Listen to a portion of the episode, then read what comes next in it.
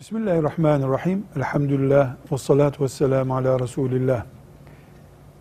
Telif veya patent hakkı korunmalıdır. Bu asırdan önce eski diye ifade edilen, eski dönemde yazılmış fıkıh kitaplarımızda telif hakkı diye bir başlık bulmak zor olabilir. Patent hakkı diye bir başlık da bulamayabiliriz. Yakın zamanda bu asırda patent hakkı, marka değeri, telif hakkı diye bir kavram ortaya çıkmıştır.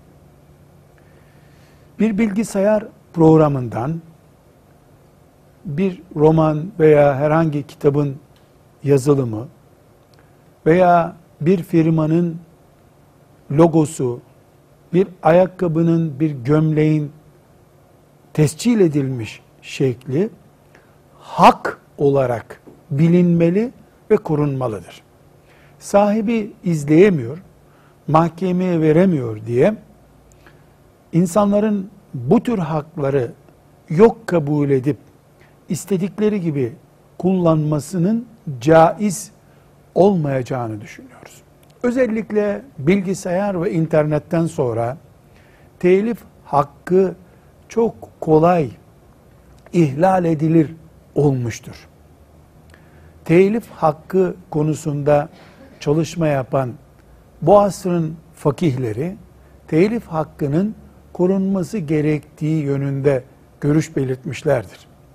Burada özellikle yasalardaki sembollerle veya işaretlerle, ikazlarla bunun telif hakkı vardır diye belirtilen ve özellikle başkaları tarafından kopyalanması, kullanılması yasaklanan çalışmalar, kitap olsun, bilgisayar programı olsun veya bir ses kaydı olsun bunların e, sahiplerini rahatsız edecek şekilde kullanılması kul hakkı ihlalidir diye düşünüyoruz. Eğer internet dünyasına salınmış ve onu üreten firma tarafından esasen e, hakları korunabilecek imkanı olduğu halde insanların bunu kullanmasına bir tür göz yumuyorlarsa bu bir izin çeşidi olarak anlaşılabilir. Ama bunun kullanımına izin vermiyoruz diyorsa e, veya sınırlı izin veriyor. Mesela bunu kopyalarsanız toplu gösterime sunamazsınız.